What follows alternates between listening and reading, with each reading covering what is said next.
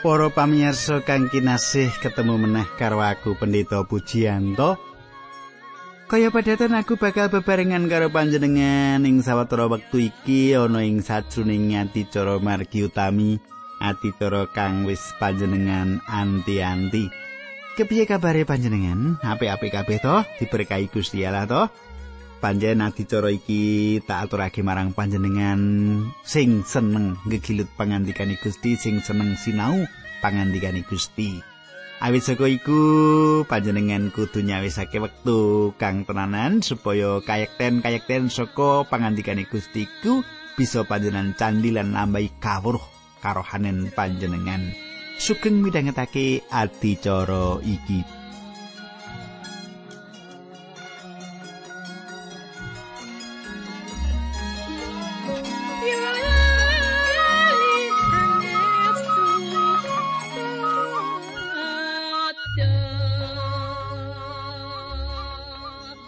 Kadangku isih kelingan apa sing tak aturake kepungkur kadangku? Wah, mboten kemutan nih Pak Puji. Lah piye kok itu? Ora kelingan iki kepiye? Kata kudu dieling-eling. Gunake catetan, dicateti, ngono ana gunane. Mengko nek panjenengan ngadepi coban-coban urip sing abot eh dhisik aku ngrungokke khotbah Pak Puji ki ngene.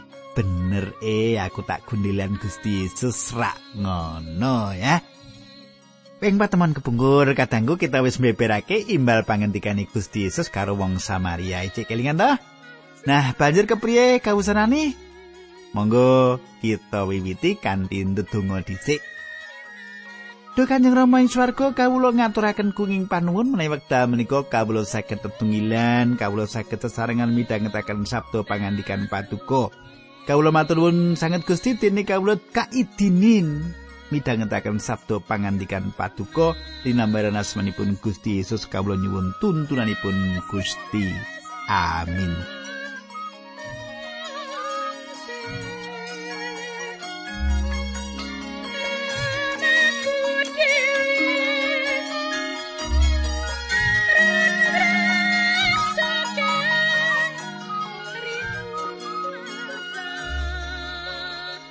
Katangku kang dak tresnani nggon kita bakal sinau naliti kitab Injil Yohanes wis tekan pasal papat. Saiki tak wiwiti maca Yohanes pasal papat ayat telulikur pisan maneh. Aku nggunakake kitab suci basa pedinan, ya. Aku nggunakake kitab suci basa pedinan Yohanes papat ayat telulikur nganti patikur mengkene surasane. Bakal ana wektune malah saiki wis kelakon wong-wong sing nyembah marang Sang Rama kanthi temenan kuwi panyembahi kelawan roh suci lan kanthi jujuring ati sebab iya srana patrap mengkono kuwi Sang Rama kersa disembah. Gusti Allah kuwi roh lan wong sing arep nyembah marang Gusti Allah kudu nyembah panjenengane kaya sak pamisi eroh. Katangku pangandikan iki tak waca kanthi mengkono. Kanthi mengkono bab manembah kita marang Allah wis ora dadi perkara. Sing bener ora ana ing ngendi. Nanging kepriye nggon kita nyembah marang Allah iku? Gusti Yesus paring jawab marang wong wadon iku kanthi jaran Allah iku sipate roh. Bab ana ngendi panggonan manembah panjenengane wis ora penting. Wong sing nyembah Allah kudu manembah kanthi roh lan kayekten. Saiki ayat selawi wong wadon mau nuli matur marang Gusti kula sumarep bilih Sang Kristus badhe rawuh. Menawi rawuh panjenenganipun badhe nerangaken samukawis dhateng kita. Kadangku para wong Samaria uga padha nganti-anti rawuh Sang Mesias. Tapi iki pancen narik kawigaten kita jalaran kita wong percaya lan asih tresna panjenengani. Uga padha nganti-anti rawuh Kristus sing kaping pindho. Pancen sing ora percaya lan mercayake uripe marang Sang Kristus senajan wis dadi warga gereja rada sumelang atine yen ngrembug bab rawe Sang Kristus sing kaping pindho. Saupama padha ora percaya bab rawe mau nanging isih tetep dadi pikirane sedulur-sedulur kita mau. Sawetara taun kepungkur ana wong ateis, wong sing ora percaya Gusti Allah, sing kandha yen apa sing ditulis ing kitab suci ku bener. Lan Gusti Yesus bakal rawuh sing kaping pindho ing jagat iki. Yen pancen Gusti Yesus rawuh, wong ateis mau bakal ngalami kasusahan gedhe. Pitadosa, wong mau bakal nemoni kasangsaran gedhe. Wong wadon Samaria iku katarik banget ing atine, kasedot ing atine nuli ana pepinginan sing tansah nglendoti atine. Ayat 6 pangandikane Gusti Yesus. Yo aku sing lagi ngendikan karo kowe iki panjenengane. Kadangku iki pangandika sing ngidapi-dapi. Bab pribadine Dewi. Wong wadon Samaria iku lagi abenajeng karo sang juru wilujeng. Sang Mesih. Apa pengalaman panjenengan bisa ketemu karo sang juru wilujeng iki uga wis panjenengan alami? Wong wadon Samaria nalika ketemu karo Sang Mesias ngendika, "Ya aku sing lagi ngendikan karo kowe iki panjenengane." Ayat 17 Nalika semono para sekabate Gusti Yesus padha teka, wong-wong mau padha gumun weruh Gusti Yesus ngendikan karo wong wadon, nanging ora ana siji wae sing nyuwun pirsa panjenengan ngandikan bab menapa utawa menapa sebabipun panjenengan ngandikan kalian tiang istri menika. Ayat 28 wong wadon mau nuli ninggal klentinge ana ing kono banjur inggal-inggal lunga menyang kutha sarta kondo karo wong-wong ing kutha. Ayo padha ndelenga. Ing kono ana wong sing ngendikake lelakonku kabeh marang aku. Bisa uga kuwi Sang Kristus. Katengku, wong wadon saka Samaria iki pracaya marang Gusti Yesus. Duweni iman marang Gusti Yesus. Banjur ngundang tonggo-tonggone. Nanging tangga-tanggane mau ora melu marang pengajake wong wadon Samaria mau padha nganggep remeh marang dhewekne. Sawetara wong lanang ing panggonan iku wis tau kencan karo wanita Samaria sing nakal iki padha kepengin ngerti apa Gusti Yesus uga wis mbukakake wewadi nggone padha kencan karo dheweke. Nyatane iki sing kelakon. Ayat telung puluh nganti telung puluh papat. Wong-wong mau nuli padha metu saka kutha marani Gusti Yesus. Wong-wong iki padha kepingin kepanggih karo Gusti Yesus iki jalaran saka pasaksine wong wadon Samaria mau. Wong wadon Samaria iki kanthi iman percayane wani nceritake kanthi pasaksi bab Gusti Yesus. Nalika semono para sekabati Gusti Yesus ngaturi dahar aturi guru, monggo kula aturi dahar rumiyin. Nanging Gusti Yesus ngendika, "Aku duwe pangan sing ora kok ngerteni." Para sekabat padha takon tinakon apa ana wong sing nyaosi dahar. Gusti Yesus banjur ngendika panganku ya kuwi nindakake kersane Gusti Allah sing ngutus aku lan ngrampungake pegawean sing wajib ndak lakoni. Kadangku sepisan maneh nggone Gusti Yesus nerabas miyos Samaria iku jalaran ngestokake dawe ramani kanggo ketemu karo wong wadon Samaria iki. Saiki Yohanes 4 ayat 35 nganti 38. Mangkene surasani. Kowe padha muni isih patang sasingkas lagi panen. Nanging kowe padha ndak kandhani padha ngungak-o ing sawah-sawah. Parine wis padha kuning wis wayahe dieneni. Wong-wong sing padha drep kuwi saiki padha nampa bawon lan padha nglumpukake asile pegaweani, ya kuwi urip langgeng. Kuwi sebabe wong sing nyebar lan wong sing ngunduh loro-lorone padha bungah bebarengan. Tumraping perkara iki ana paribasan wong liya sing nandur, wong liyane maneh sing ngeneni.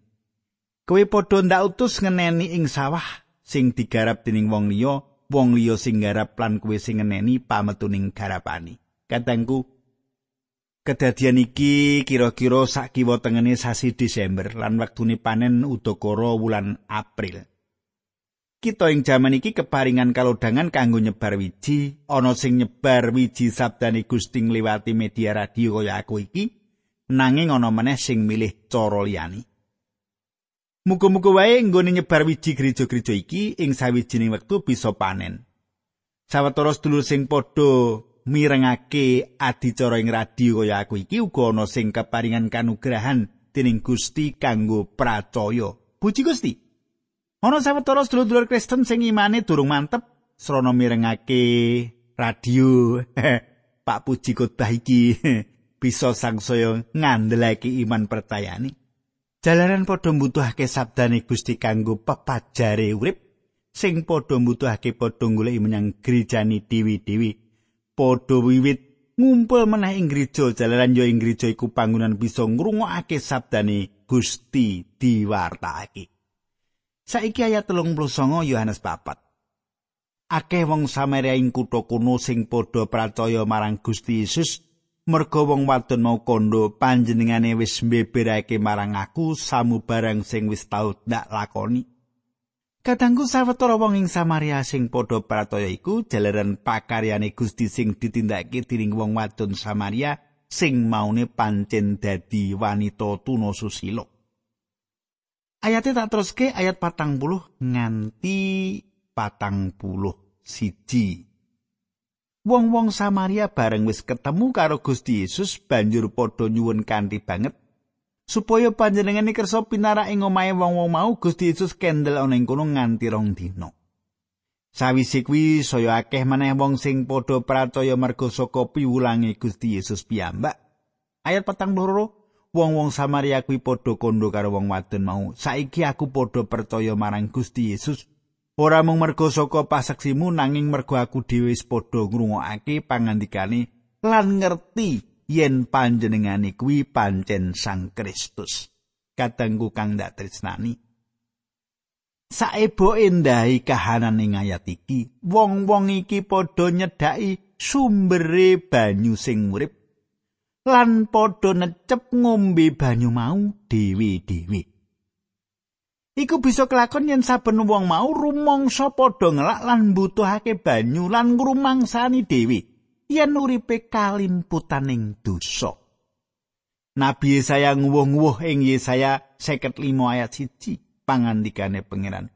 Eh sake wong sing ngelak padha maju ing kene ana banyu. Mrene kowe sing padha ora duwe dhuwit nggawa gandum lan manganno. preneo, jupu anggur lan susu, kowe ora susah mbayar, katangku. Kanthi cara sing meh padha Gusti Yesus nimbali sing padha ngelak atine. Ayat 37. Dina pungkasaning riyaya kuwi dina sing penting dhewe. Ing dina mau Gusti Yesus jumeneng banjur ngendika kelawan swara wong sing ngelak.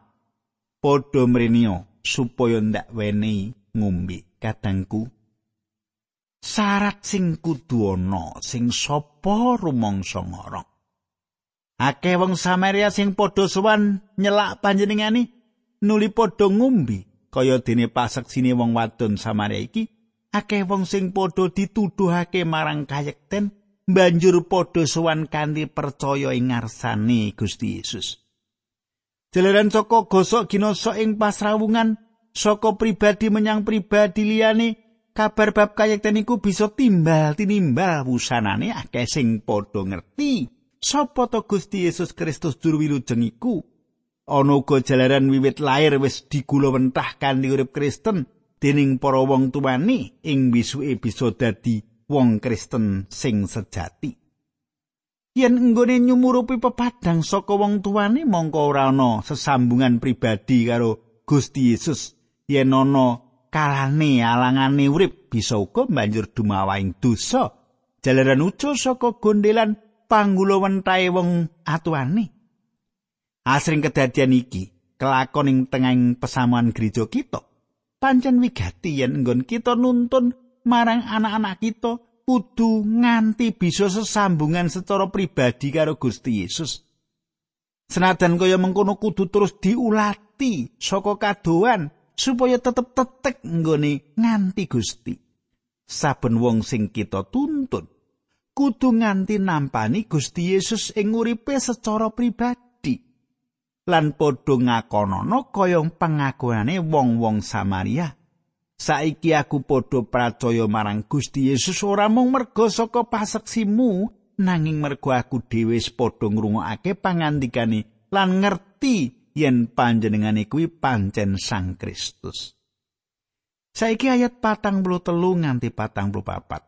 Sawise kendel ana ing tanah sikar rong dino, Gusti Yesus nuli tindak menyang tanah Galilea.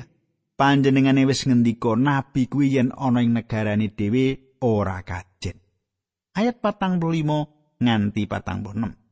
Nanging nalika tekaning tanah Galilea, wong-wong ing kono padha nampa panjenengane kelawan bunga. Sebab nalika padha ana ing kutha Yerusalem ya kuwi nalika riyaya Paskah, wong-wong mau wis padha weruh apa sing dek semono ditindakke dening Gusti Yesus. Gusti Yesus tuli tindak meneh menyang kutha Kana ing tanah Galilea panggonan nggone panjenengane damel mukjizat banyu dadi anggur ing kono ana sawijining pegawe kraton sing anake lagi lara ing Kapernaum. kadangku kang ndak tresnani. Yohanes kanthi teliti jelasake papan-papan panggonan kanthi becik. Gusti Yesus nilarake Samaria menyang Galilea lan akeh wong padha pracaya jalaran wong-wong mau kepanggih karo panjenengane ing pesta lan padha ndeleng dewi apa sing ditindakake dening panjenengane Banjur panjenengane tindak menyang Kana ing Galilea jalaran ana sawijine punggawani keraton sing lagi lelungan menyang Kapernaum. Ayat patang puluh pitu Yohanes papat mengkini surasani. Nalika krungu yen Gusti Yesus rawuh saka tanah Yudea menyang tanah Galilea, wong mau nulis suwani ngarsane Gusti Yesus sarta nyuwun supaya kersa tindak menyang Kapernaum marasake anake sing wis meh mati. Katanggu, ana uga sawijine cara iman kapercayane bapakne kanggo jamin iman anake ing besuke. Iki bab sing lagi wae kita sinau. Sing paling penting kadangku anak kita duweni sesambungan pribadi karo Gusti Yesus piyambak. Iki jaminan sing ora ana tandingi. Kita duweni hak kanggo nggawa wong-wong sing kita sihi bisa celak lan dadi kagungane Kristus. Kanthi cara sing kita kekuatan sing kita duweni, kita bisa dadi berkah kanggo wong liya. Mula urip kita kudu dadi seksi sing nyata kanggo wong liya. Nuduhake yen urip kita pancen mantep ing iman kapercayan kita marang Gusti Yesus lan iman mau kudu ana buktine ing urip kita. Ana sawijining keluarga Kristen kadangku sing anake ora bisa dikendhaleni. Aku ora ngerti anak panjenengan iso dikendhaleni apa ora gitu. Nakal, ora bisa ditoto.